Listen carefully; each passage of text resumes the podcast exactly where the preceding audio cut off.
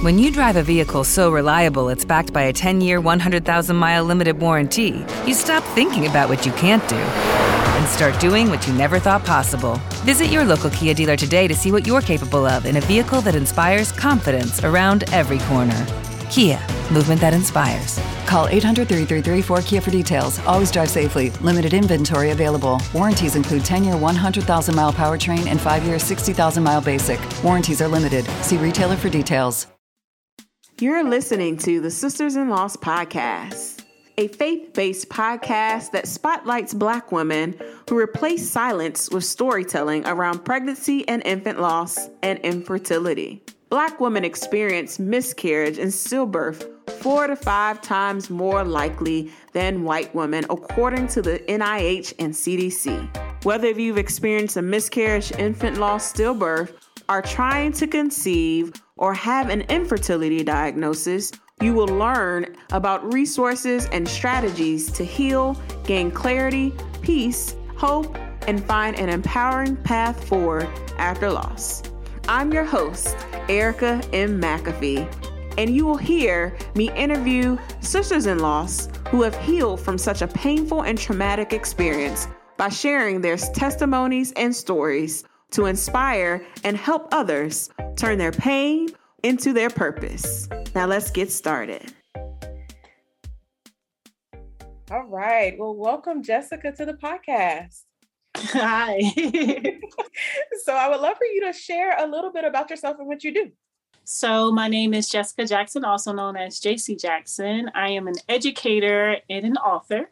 Um, I actually just released a book called Elijah Broke the Gate about my son. Um, I work with students. I have a business called Kumba Architects where we teach children how to become creative, and I use literacy to do that. And so we do a lot of fun things with aquaponics, and I also work district wide as an administrator, and I work with all level of students. Perfect, perfect. So I would love for you to just take us back on your journey to motherhood and, and share with us.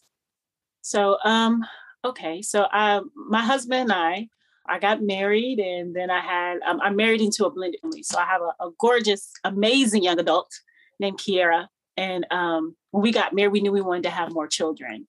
And so uh, we we planned. Well, first we waited a little bit because you know you get married, you want to spend time with each other, and then we planned out very patiently to have our child. And I mean, we were like clockwork. I asked a lot of friends, how did you do it? I mean, did you do, did you go natural? What worked? And they just said, you know, just do natural method, pay attention to the calendar, don't have to do anything special. You'll probably get pregnant really, really quickly. And we did. Second month, second month in um, of us trying, we got pregnant and we were excited because literally we planned this, right? we knew we wanted a baby and um, everything was going fine. I mean, there weren't any any like issues or anything like that. I went to the first appointment. My husband couldn't come. And then, um, and it was great, and everyone celebrated, and we got hugs, and people prayed, and it was good. And then, not long after that, a little bit before I was supposed to go to my second appointment for Elijah, um, I started spotting. So this is my first pregnancy, and um, I worried, of course. And so I called my doctor, and she said, "Oh, you know, sometimes women spot when they're pregnant, and it's okay. So just, you know, pay attention to it and um, let me know if it keeps going, but just, you know, stay home and rest. That was a Thursday. And I said, okay. And I prayed because I would speak to my son all the time. I would speak to him and my brother. I was praying, talking to him and say, hey, I don't know what you're doing, but you need to chill out because we, we got stuff to do. Right. And so over that, those few days, I started, it started being more than just this like pink spotting. Became a little bit more and I started cramping and I was like, something's wrong. I knew something was wrong because I'm sensitive to my body. Something's wrong. And um, by Sunday, I knew I was losing him. And um, so re- it's a very surreal experience because for me, I was trying to figure out how to not lose him. I'm sure everyone tries to do the same thing, but I was really talking to myself and I said, You you got to calm down. You got to stop. Come on, Jessica. You got to talk to your body. You have to listen to me. And I remember being so upset because it was like my body was going against what I was saying. It almost to me at that moment felt like I was killing my child. And it was horrifying. Um, and so I remember coming down the stairs. I remember seeing my daughter and my husband, they were downstairs laughing about something, and the house smelled like the house, right? It smelled like fried chicken and lavender. and all those things. And them laughing made me angry when I saw them. And I said, I need to go to the hospital right now. Something's wrong. And my husband saw my face. We all went. So we actually went to the hospital prior to that when I was spotting that first time, and it was it was false alarm. Um, they said everything was good, right? So ha ha laugh, we were great. So the second time um, we went, ended up sending my daughter home. Told my husband to send her home because I felt like it wasn't going to work out, like it was going to be bad. And um, we went in, went into the hospital, went into the room, and by this time there were big clumps of tissue coming out, and I just could not stop crying. I remember um, the doctor coming in. I remember them doing the ultrasound, them checking. I remember being in the bathroom, and I, I guess I was in there too long because the nurse was like, "Hey, ma'am, are you okay? Are you okay?" I come in there, and I was like, "I'm definitely not okay." Um, I remember my husband sitting beside me and my best friend. She came to the hospital. I didn't ask her to. I said, "No, it's okay." And She, I just opened my eyes and she was there. And I remember her rubbing my hair and singing to me, and it was so beautiful. And she just sang and rubbed my hair, and I remember my dad, my dad, my husband holding my hand and um, saying, "Hey, we're in this together." And um, the nurse coming in and the doctor coming in and saying, um, Miss Jackson, I'm so sorry. I'm so sorry to tell you this.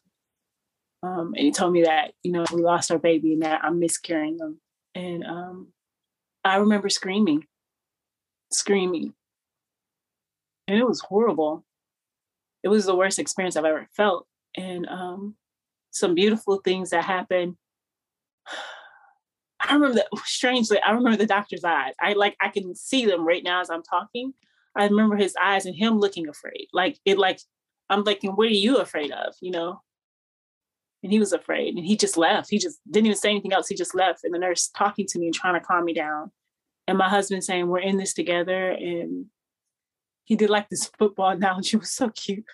And he was saying, you know, we still, we're still, we're still in the game. You know, we didn't quite get there yet, but we're gonna still go, and it's okay. And my best friend just singing, just singing, and holding me and crying with me. And if you know anything, I mean, clearly you know something. you are African American yourself, but um, I I know different people are different, but culturally, like with my friends, we're not very like touchy touchy. We're touchy, but not like touchy touchy. But like this like broke all those little rules. Those like we're not gonna be touchy rules because she held me and hugged me and loved on me and rubbed my hair and we just cried. my husband, we just sat there and we just cried. And I lost my son Elijah. So what happened after then? How did that those next few weeks um look like for you? So okay, so grief, huh? that first uh that first week or two, my husband was so great, right? He was so patient and so wonderful. And I laid in the bed and I cried and I was off of work and it and I just cried. I just cried and I was angry. Um, but then after about two weeks, my husband was like, You gotta get up. So then we got started arguing. he was like, Get up, get out the bed. But I went through so many different things. I remember I jumped right into gardening, right? I love gardening. I'm an avid farmer grower. Um, I just needed something to live.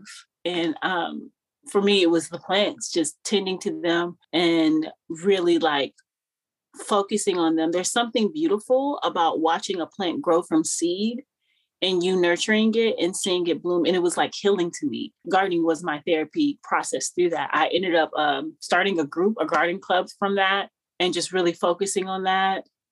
I mean, there were so many different things. There kind of all over the place. Like sometimes I would be okay, but then other times I wouldn't. I remember one time being in the room and just screaming, like just screaming out of nowhere, just screaming, wailing.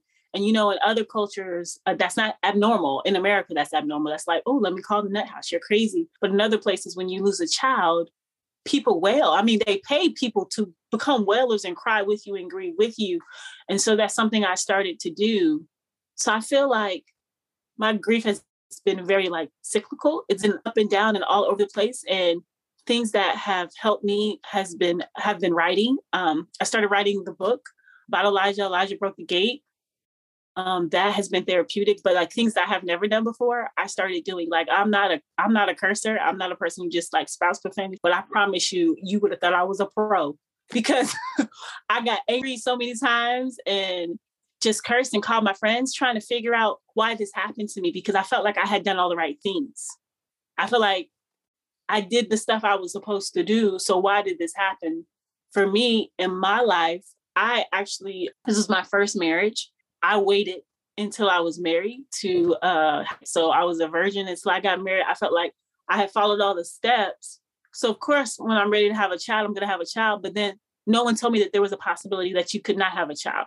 And so that was a shock. So I didn't find out that it wasn't abnormal for people to lose babies until after I lost my baby. Suddenly everybody I knew had lost a child, but I never knew they lost a child. Like literally, the only person I could tell you before then that I knew was my aunt because she had lost several children and it was like a secret though. We didn't really talk about it very much. We just kind of just acknowledged that she was a mother of several kids that just did not live. But then when it came to all these other people that I knew, I didn't know they were even pregnant. And I didn't know they lost children, but then it's like this secret club that nobody wants to be a part of. But then everyone needs to share something about because why didn't I know that? And I found right. And then all these beautiful women bonded around me, but it was after it happened, you know? And it was like a little talk here, a little talk there. So then I started talking louder than everybody else. And I was like, hey, this happened and it sucked. Someone needs to talk about this. This is not okay. Like, hey, we lost kids and nobody's saying anything. Nobody wants to announce that we lost a kid. We announce it any other time. This hurts. This freaking hurts. And so then I started talking louder, and then other people started talking. And so now there's like this community of people who are just talking about it, you know? But um I've I've just learned so much from the loss of my son, from my son, from his his short time in, in our lives. I feel like I've learned that grieving is not a weakness, that is something that makes you strong. And sorrow is like a best friend to joy. And it's okay to go through it. And it's best when you go through it together. So I don't know if I really answered you, but yes, those are the things that happen next. no, you definitely um, answered it, and you really even shared um, how you've been learning and what he's really taught you so far on your journey. Um, so I would love for you to talk about just how you really have, are turning your pain into purpose and um, the book that you are really um, pouring everything into. So share with us about how that process has been. So my book, it's called Elijah Broke the Gate. Um, we just released last Friday. Uh, so it's a book of performance pieces about child loss. I have a performance background in theater and I work with kids in all kinds of aspects of literacy and theater and all those different things. And so I'm not the only author, I'm the main author, but there's about four, five other writers, and they have, or six, because there's an anonymous writer. They all have a piece in there. It covers miscarriage, um, all types of miscarriage with IVF or traditional miscarriage. It covers stillbirth and regretted abortion. Our anonymous writer wrote about um, their abortion that occurred. And um, it's, the pieces can be done separately or can be done as a full length play. It's broken up into three sections and it covers the pieces all flow into the different stages of grief. And so when I started writing, it was I wrote no matter how I felt. So these my pieces are parts of how I felt about Elijah, how how I felt at with my husband in that moment, how I felt about people. So you'll see pieces that are based off a real life experience that I had, but then there's an element of fiction in there. Like there's one piece called Unlawful, and it's a woman reporting um, a murder, but the murder at the end you discover is the murder of her child. But the policeman's trying to figure out who got killed. And those feelings and those things are real things that I actually said and the real things that I actually felt and experienced. And so it's a beautiful, beautiful book of uh, stories of women's law, and not just women. Uh, my husband wrote a piece in there. He wrote, um, he actually took him a long time to feel like it was okay. The the letter that he wrote to our son is called Little Man. That piece is in there. A husband and wife wrote together about their child that was stillborn. And so, I mean, there's just some beautiful, beautiful healing pieces. And, you know, it just goes through all the stages. And at the end, there's that hope.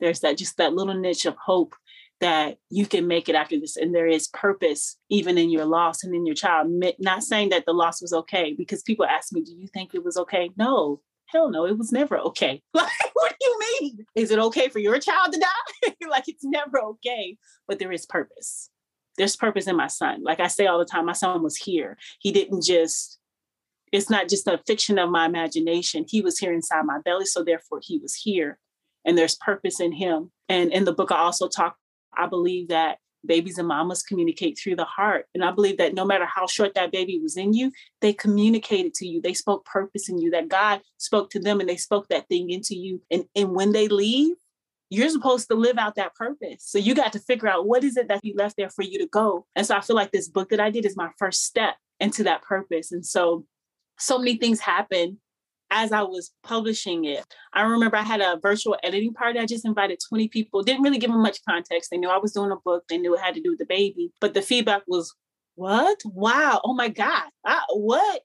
And so when I called everybody to hear, I found out like five people that I knew. I knew them. They weren't strangers, lost babies.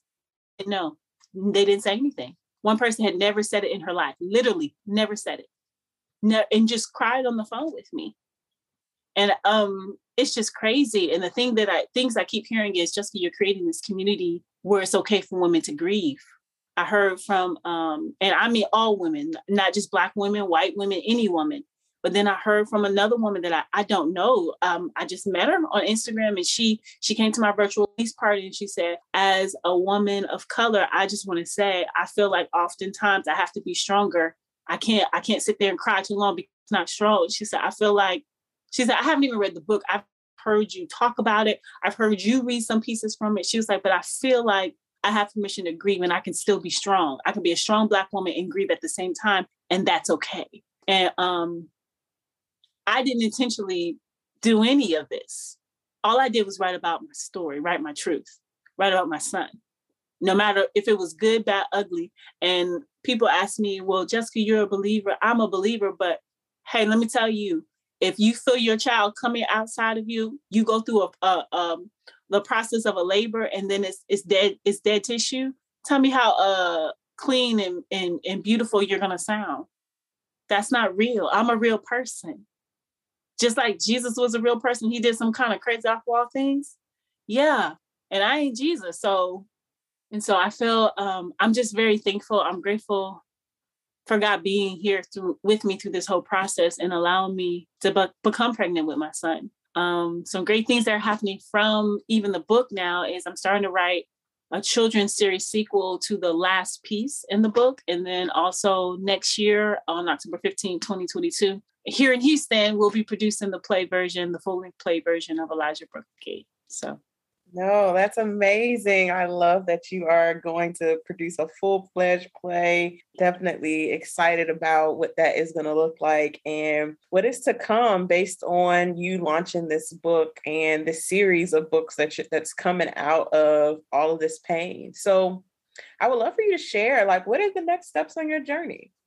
Um, so you know the full length play that's my next step um, immediately right now i'm looking into doing some um, getting my book into specialty bookstores and so i'm doing some things with that. Um, i started kind of trying to take a poll on some BookTok uh, groups and then some kind of like writing courses but performance writing courses right to perform your work when you're dealing with child loss and so those are two things that i'm looking up looking into doing some book talk groups um, they're going to be starting soon and then some writing and performing groups for for grief, for child loss grief.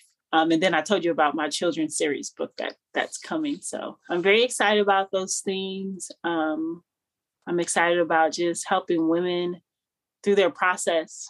And, and, and men, I'm I'm mm, I'm not a man, so I'm always like a little leery about that. But I've had some men talk to me. I normally refer them to my husband, but you know we can talk. We can talk. So yeah, no, I love that. I love that um that you are really going all in and I think that that is truly where you know that your healing is going to come from and um you are really surrendering to the process of wanting to tell these stories in the manner that is um, appropriate for your career, you know, the things that you love to do. So I love that. Yeah. Absolutely love that. So what are what are your next steps on your journey to motherhood? So we are talking about trying again. Okay, so we've been we've been back and forth. So first my husband was like, hey, let's do it. Cause my husband's so cute. He's cute. He talked to his friends to find out what happened with them when they're if they've experienced it. And he said they just jumped back in. Well, I wasn't ready to jump back in. I was like, I don't want to experience that ever again. For a minute, I was like, uh, you know what? We should just adopt or something because that that was horrible, right? So I went through that moment. But we're gonna try again. I'm gonna be honest, I'm scared. I do not want to have another miscarriage. I salute and honor those who have multiples and then it's beautiful and you have them. And I just think you are a straight soldier. I don't want your testimony though. Honestly, for real, I don't. And so I get scared of that because I never thought I was going to have a miscarriage. Like literally in my mind, I never thought I would have one. So now in my mind, there's a possibility. But even though I am scared, we are going to do it. Ah, that's funny, do it. we are going to try again. And so yeah, we're gonna try again. We're gonna see what happens. I want to. We do also honestly want to eventually adopt, but we want to try having our own first because my my beautiful my beautiful daughter, my bonus baby, she is she's literally adult now. She's at Howard University in her sophomore year, so she's not a baby. I can't pinch her cheeks. Mom, she'll let me, but it's really kind of weird. And so we want a little baby. We want a little baby. We can pinch her cheeks and love one. I love it. I love it. No, I don't think anything's wrong with laughing, especially if your husband's ready. You know, you all are on the same page about what it looks like to try again. And I think that the hardest part of doing it is just making sure that you both are mentally prepared um, for outcomes it whether it's good or bad either way it's still scary right like we like let's be real like either way it's still a scary journey because of which you've already experienced. So um, I'm so happy that you all are are ready to think about what those next steps may look like and really how to support one another um, as you navigate through the next steps on your journey. So I would yeah. love for you to um, really leave our listeners with some encouraging words for those who may be in a similar circumstance as you, where they've experienced some untimely loss and they're ready to get back out there to try again. What encouraging words can you leave with them? I want to say, even if you're afraid to try it, just jump out there. And even if there's a lot going on with your life, for example, um, we're caregivers also of my dad. He's quadriplegic. And I didn't know him before we became caregivers. So I've been taking care of my dad for a year, um, learning him. And we want to get pregnant, you know, we had a miscarriage, you know, and everything. But, and we used to think that we should wait, we should wait, we should wait. But if we if we really are on the both both on the same page, then we need to just come on and and and try it just to do it. I mean, I learned from Elijah that time is so important, you know? And so don't waste the time that you have. And so if you have the time, then go ahead and do it. And it's going to be okay, regardless, regardless of the outcome, it's going to be okay. It might not feel like it in the moment, but it will be okay. Perfect. So, where can we connect with you? And then, where can we find your book after this episode? So, give us all the links, all the details. Okay. Um, Instagram is the the best way to find me. You can go to Elijah Broke the Gate on Instagram and find me. You also can go to jessica.shermaine.jackson to find me. If you want to look on my book, you can go on my website, which is elijahbrokethegate.com, and I'm selling the book there. You go on Amazon, you can get the ebook. You can buy the uh, paperback book directly from me. If you just look up Jessica Jackson, Elijah broke the gate, you'll see all the stuff. Perfect. I love it. Thank you so much for coming and sharing your story on the podcast. I'm excited about your book and all of the things that you have in store. So definitely stay in connection with me. Um, I definitely would love to help promote and market um, this play and oh, all of you. the things that you do in the next year. I, I so appreciate it. So thank you so much, Jessica. Thank you. Thank you for listening to today's episode. For show notes, go to sistersinloss.com to stay connected with us and join the Sisters in Loss community and receive my weekly newsletter. Please go to sistersinloss.com forward slash newsletter. That is sistersinloss.com forward slash newsletter. Please rate and review this episode, and I will talk to you next week.